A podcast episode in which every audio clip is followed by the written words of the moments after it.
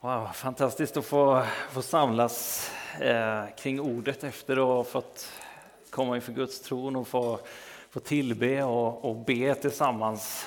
Så här, att, få, att han hedrar oss med sin närvaro och bjuder in oss i, i himlen. Tack Sege och Johanna och Rickard och Tim. Tack. Och tack Jesus för att vi nu får för att du, du möter oss, för att du, eh, du ger oss lovsången och bönen, att vi får eh, vara inför dig. Så vi ber, led oss nu in i ditt ord. Kära himmelske Fader, tala till oss. Samla oss i ditt namn. Amen. Vi börjar en ny eh, serie i temaserie i, inför den här hösten nu, då vi går igenom eh, bergspredikan, Jesu bergspredikan, Matteusevangeliet kapitel 5-7 som vi kommer eh, ägna en del tid åt nu under eh, slutet på september, oktober och november. Så läs gärna de kapitlen och lev i dem med oss eh, som församling under den här tiden. Och idag kommer vi läsa Matteus 5, vers 1-12 som ofta talas om som saligprisningarna. Och det är de inledande verserna då på, på den här, det här stycket, de här kapitlen. Och då står det så här. När Jesus såg folkskarorna gick han upp på berget, han satte sig ner och hans lärjungar kom fram till honom. Då började han tala och undervisa dem. Saliga är de fattiga i anden, för de tillhör himmelriket. Saliga är de som sörjer, för de ska bli tröstade. Saliga är de ödmjuka, för de ska ärva jorden. Saliga är de som hungrar och törstar efter rättfärdighet, för de ska bli mättade. Saliga är de barmhärtiga, för de ska få barmhärtighet. Saliga är de renhjärtade, för de ska se Gud. Saliga är de som skapar frid, för de ska kallas Guds barn. Saliga är de som blir förföljda för rättfärdighetens skull, för de tillhör himmelriket. Saliga är ni när människor hånar och förföljer er och ljuger och säger allt möjligt ont om er för min skull. Gläd er och jubla, för er lön är stor i himlen. På samma sätt förföljde man profeterna för er. Så lyder det heliga evangeliet. Lovad vare du, Kristus. Och jag vet inte om ni kollar på film mycket eller så, men ibland så, ganska ofta så börjar en film med att man får möta karaktärerna och situationen som man kommer in i och så, så byggs det sakta upp och man får följa storyn genom filmen. Men ibland så bara man slungas in i en situation och så, så oavsett om det är en, en glad och härlig grej eller, eller om man kommer in i en mörk krigsscen eller någonting och så undrar man lite vad, vad är det som händer här egentligen? Och så får man vara där och sen så kommer man ur det och så får man följa genom filmen hur hela backstoryn utav detta som leder fram till att man kommer tillbaka till det ögonblicket. Och lite så kan vi, kan vi se det här som att vi, vi kommer in i bergspredikan och här får vi höra när Jesus såg folkskarorna så gick han upp på berget. Och vad är det egentligen folkskaror? Vad är det för, vad är det för situation som, som Jesus kommer in i här? Vilka är det han talar till? Vad är det, vad är det som har hänt? Vad är, det, vad är det för någonting som vi ska få höra under de kommande två månaderna här? Och tänk att vi har en, en Gud som är så oerhört god, som är så vacker, som är så nådefull, som är så fantastisk, som möter oss här idag. Som vi fick höra Tim som eh, bara ledde oss i en spontan lovprisning här som, eh, när han kommer och omfamnar oss, eh, som bjuder in oss att se på honom, att möta honom, att leva med honom, leva i hans berättelse. Att få ja, vara med i det som han gör. Förundras av honom, att han ger sig själv till oss, till dig och mig, mitt i allt som vi lever i. Att han är med oss mitt ibland oss. Det är förunderligt. Och Matteusevangeliet presenterar bilden av den här guden, att han har kommit i Jesus. Att han har kommit i Jesus Kristus. Och redan i kapitel 1 så talar Matteus om att Jesus är Emanuel. Och Emanuel som betyder Gud med oss. Han har kommit in som Gud med oss. Gud har klivit in i tiden som för att bo ibland oss. Gud med oss. Och Gud med oss här idag som vi har fått möta, som vi har fått känna i bön och tillbedjan i närvaro. Som vi ibland inte upplever så tydligt kanske men som vi, som vi vet och tar emot i tro och ibland så blir det så övertydligt för oss att han är här och jag kan inte göra något annat än att bara falla ner och tillbe eller inte ens göra det utan bara be om nåd. Och att han är Immanuel, Gud med oss och han vill leva livet med mig och han vill bjuda in mig i sin berättelse. Och att jag får leva av en annan berättelse än den berättelsen som den här världen talar. Och ifrån de första verserna i Matteusevangeliet så presenterar det så tydligt att Messias är här. Hur Jesus han är sammanfattaren och uppfyllelsen av Israels historia, av lagen och löftena. Av allting som har hänt. De förbund som har ingåtts de leder fram till Jesus.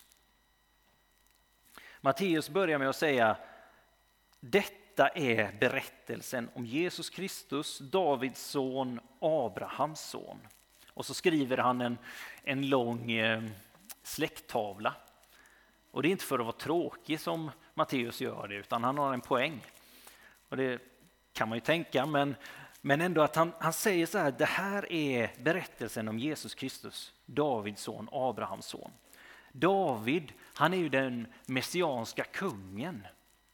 Han är den som de ser att det är Davids son som ska komma. Det är han som i kungariket som ska upprättas. Det, det är David som, som vi ser att när han var, det, det är så det ska bli igen. Vi väntar på Davids son, han som upprättar kungadömet. Och Abraham var ju den som tog emot löftet, förbundet från Gud. Han var den som först blev utvald av Gud, som Gud ingick förbund med. Och som fick löftet att genom dig ska alla folk bli välsignade. Och det är om Jesus som Matteus då säger att du, han är son till de här två.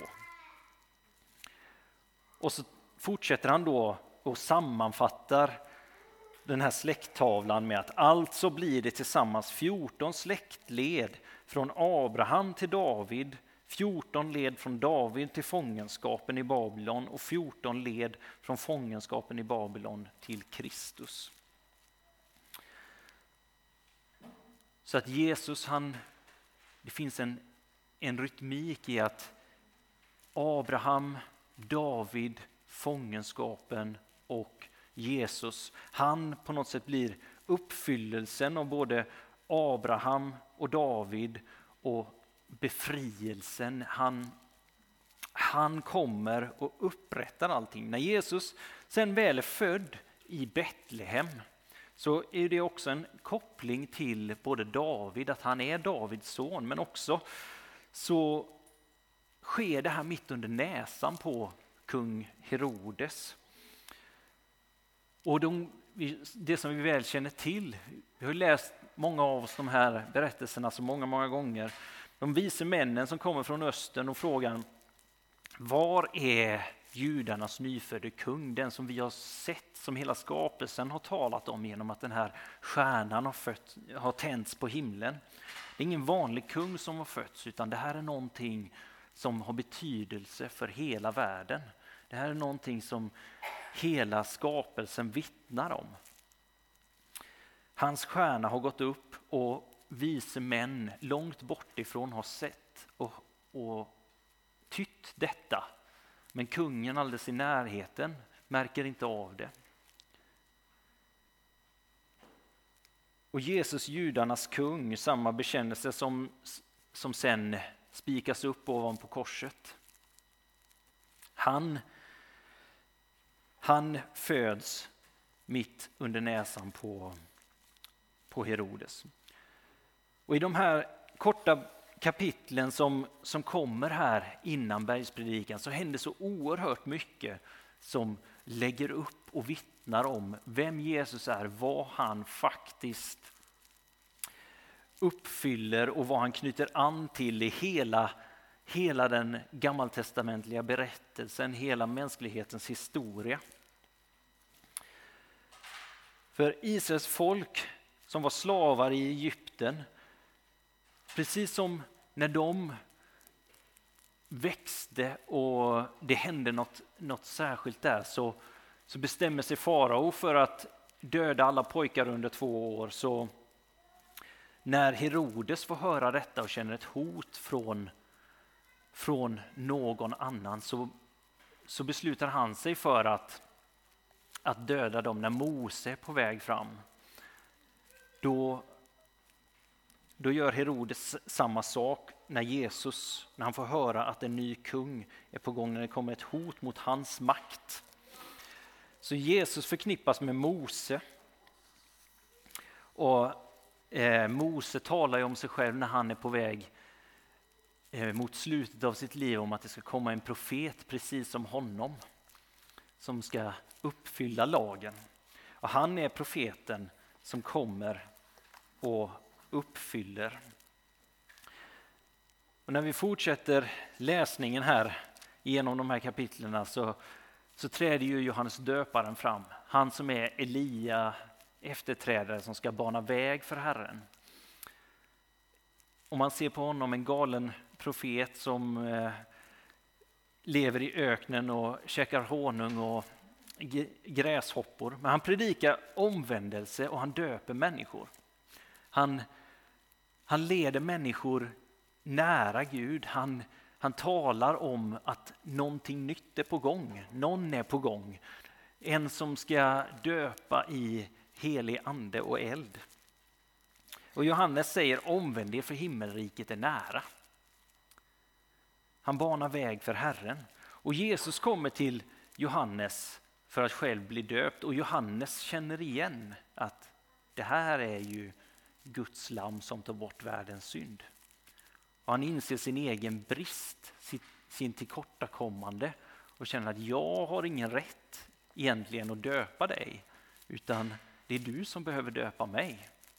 Jag behöver dig, inte du mig. Och när vi kommer till saligprisningarna så är det precis det vi ser, att vi, vi känner igen vår egen brist. Vi, vi, de som kommer till Jesus med sin brist, de får hans, hans rike. De får hans, hans kraft. De får komma in i hans, hans berättelse. Men Jesus insisterar på att bli döpt av Johannes. Och, eh, han blir döpt. Det finns mycket egentligen man kan gräva i den berättelsen men, men i dopet så ser vi en bild av skapelseberättelsen. Hur när Gud skapar himmel, himmel och jord så står det att jorden var öde och tom. Och mörker var över djupet och Guds ande svävade över vattnet.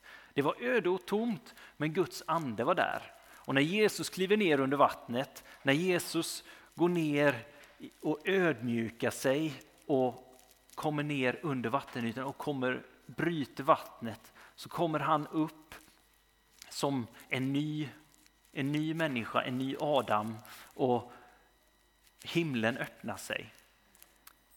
Anden kommer ner och ord, Guds ord talar över honom att detta är min älskade son, i honom har jag min glädje. Och Jesus kliver in, han är ordet fylld av anden som går ut i världen för att sprida den här nya skapelsen. Han bär den nya berättelsen, den nya tidsåldern som, som han bjuder med människor i, som han upprättar människor att leva som en del av. Han är den nya Adam som Romarbrevet talar om. Adam misslyckades så här kommer Jesus som en ny chans. Han bär på föreningen av himmel och jord. Och så leds Jesus ut i öknen av anden och frestas av djävulen. Djävulen den som håller mänskligheten i sitt grepp. Och när Jesus stått emot frestelsen, när han inte gått in under djävulen utan han, han står emot den frestelsen, när han, han säger nej och han väljer Guds väg, han väljer den smala vägen, den som är omöjlig att välja utan Guds kraft, utan Guds nåd, utan den helige Andes kapacitet. Så går han sen vidare och börjar förkunna omvänd er för himmelriket är nära. Och vad Jesus gör är han kallar lärjungar att följa honom. Han kallar lärjungar in i sitt rike, att gå med honom i hans nya berättelse, i hans nya väg. Att gå med honom på den vägen, den nya vägen som han plöjer upp i hans berättelse. Han förkunnar om riket och han botar alla slags sjukdomar och krämpor bland folket. Ryktet sprids om honom. Och Människor kommer till honom som lider av allt möjligt. Besatta, månadssjuka och lama och han botar dem. Han gör det som tycks omöjligt. Det som är bortom det som vi kan förvänta oss, det som vi har tappat hopp för, tro för, förväntan på. Även om vi kanske tänker att vi känner Gud. För Eh, lever med Gud, det som, det som hoppet har släckts för. Och människor kommer från alla håll för de hör om att här är någon som gör det omöjliga. Här är någon som, som kommer in och faktiskt förvandlar mörker till ljus. Som det som inte kan gå, det går. Det som inte kan se, det får se där det brustna i mig blir läkt. Och de kommer för att det finns en liten möjlighet att han skulle kunna göra det för mig eller mina kära också. Och stora skaror följer honom. Och det här är scenariot när vi kommer till bergspredikan. Och när Jesus såg folkskarorna så gick han upp på berget och han sätter sig ner och han undervisar sina lärjungar. Han öppnar sin mun för dem.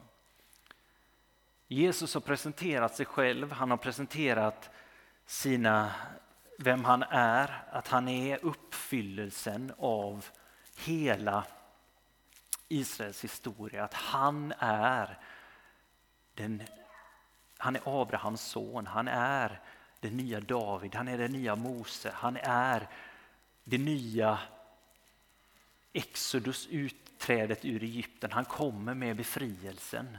Han är det nya löft, han är uppfyllelsen av de löftena. Nya befrielsen som ska komma. Och han visar på det. Och så när de kommer till honom så sätter han sig ner och han börjar undervisa dem. Och när vi kommer gå igenom den här serien så kommer vi få kanske ibland höra saker som vi funderar på. Det där kanske skaver lite i min världsbild, i mitt sätt att se på världen. Men Jesus bjuder in oss i en berättelse som inte är den här världens berättelse. Han bjuder in oss i någonting som är himmelrikets berättelse, som är, som är hans, Guds sons uppfyllelsens av den här världens berättelse som, som han sen sänder oss in att gå med till den här världen, för, för den här världens läkedom. Och jag vet inte om ni har sett programbladet, men på framsidan av det så, så finns det ett citat av Leslie Newbigin som, som står så här. A community of people that in the midst of all pain and sorrow in, and wickedness in the world is continually praising God is the first obvious result of living by another story than the one the world lives by. På svenska så är det ungefär en gemenskap eh, av människor som mitt i allt som händer i världen, mitt i all smärta, all ondska i världen, så lever de tillsammans i lovprisandet, ärandet av Gud.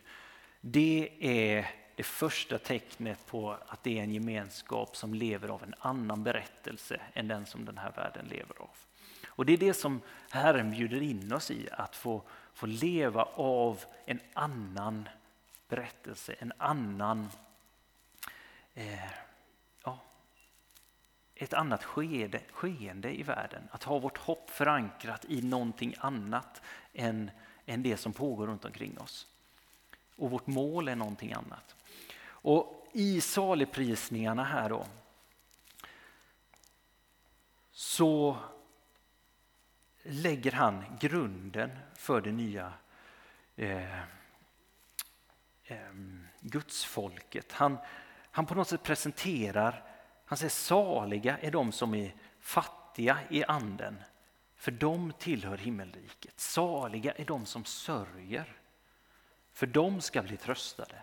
Saliga är de ödmjuka, för de ska ärva jorden. Saliga är de som hungrar och törstar efter rättfärdighet, för de ska bli mättade. Saliga är de barmhärtiga, för de ska få barmhärtighet. Saliga är de renhjärtade, för de ska se Gud. Saliga är de som skapar frid, för de ska kallas Guds barn. Saliga är de som blir förföljda för rättfärdighetens skull, för de tillhör himmelriket. Saliga är ni när människor hånar och förföljer er och ljuger och säger allt möjligt ont om er för min skull. Och någonstans så, när vi möter den här första delen, saligprisningarna i bergspredikan, så saliga eller välsignade eller lyckliga som man kan översätta det.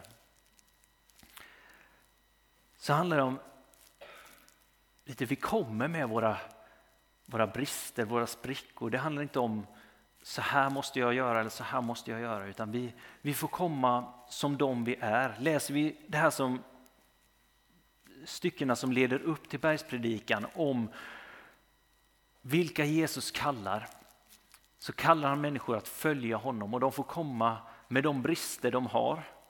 De som är fattiga i anden, de som, de som bara säger ja, jag följer dig.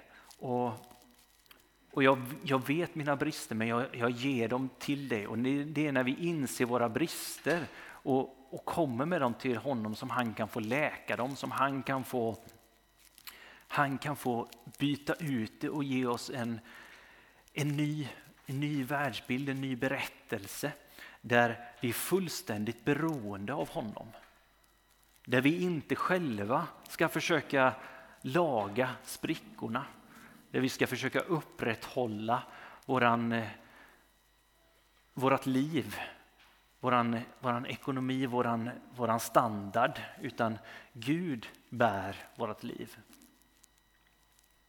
Och vi vet inte hur det kommer se ut. Vi vet inte vart det kommer leda oss, men han är den som håller ihop det hela. Och det slutar inte med att jag sitter efter 90 år och tänker att jag har levt ett gott liv utan det slutar i, det kanske slutar efter 20 år, 30 år eller 90 år. Men det slutar inte där utan det, det pågår i evigheten. Jag är insatt i evigheten och det fantastiska är att under resan så när jag sörjer så blir jag tröstad. Jag får lov att hungra och törsta efter rättfärdighet. Och jag kommer bli mättad. Jag får med Gud och i Guds kraft så får jag visa barmhärtighet och jag får ta emot hans barmhärtighet. Och han får lära mig att vara renhjärtad och jag ska få se Gud. Och med honom och i honom så får vi vara med och skapa frid när vi lever i hans berättelse. Vi lever med ett helt annat mål, en helt annan inriktning. En helt annan vision för vad det här livets syfte är. Och Jesus bjuder in oss i det, han visar på det. Han låter oss ta del av det och vi får komma samman här, inte bara för att det är gott att ha något att göra på en söndag förmiddag utan för att vi får formas av den berättelsen. Vi får möta med honom. Vi får kliva in i den berättelsen och gå tillsammans i den berättelsen under den kommande veckan, de kommande åren. Slå följe tillsammans med alla de heliga genom alla tider.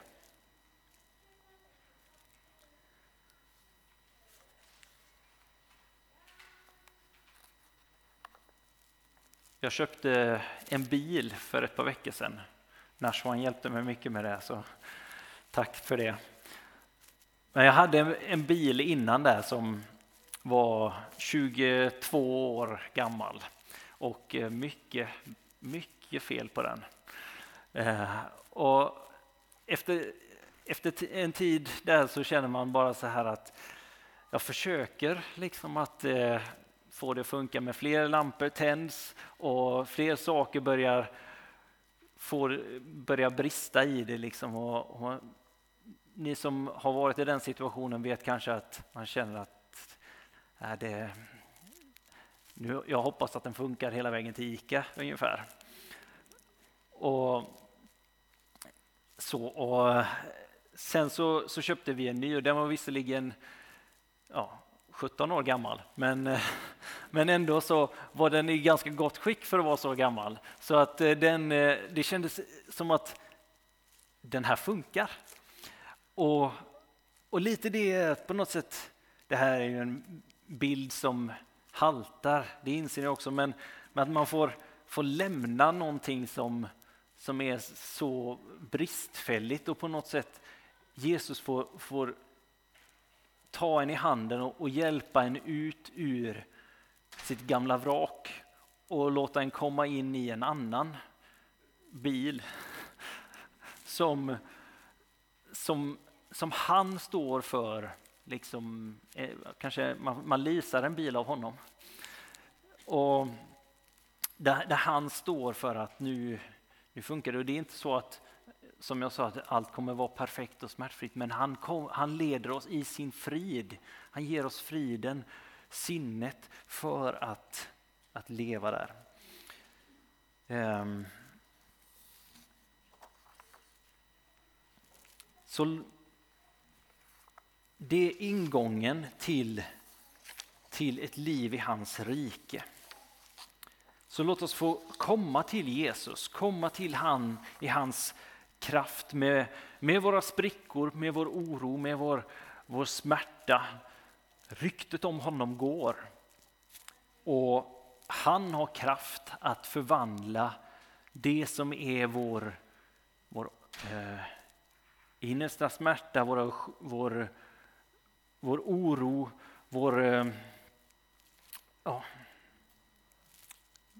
det som, som tynger oss Kom till mig alla ni som är tyngda av bördor, säger han, så ska jag, ska jag ge er liv och frid. Och vi får komma till honom och, och han botar alla slags sjukdomar och krämpor bland folket.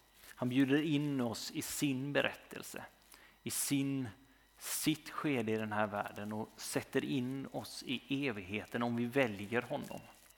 Och, och vår resa med honom är att få välja honom på alla våra områden i våra liv. Så vi ska alldeles strax få känna honom i, i syndabekännelsen och bekänna att han är Herre, att han är kung, att han är vår, vår frälsare, att han är uppfyllelsen av hela historien. Att historien är hans.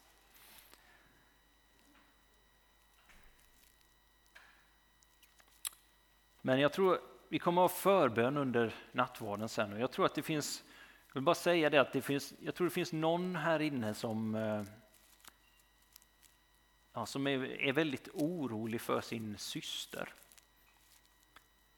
Och här finns det också i, i den här berättelsen att det, man, man tog med sig människor som, eh, som var på plåg. Man tog med sina, sina släktingar, sina vänner. Och jag tror att du kan få göra det idag.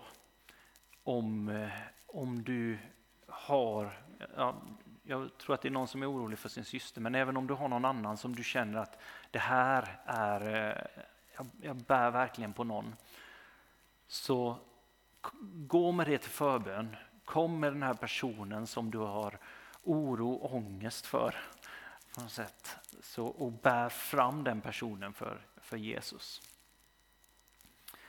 Så vänder vi oss till honom och lägger ner våra liv inför honom och bekänner, att, bekänner våra sprickor, våra, våra smärtor och, och lyssnar till hans ord. Omvänd er för himmelriket är nära.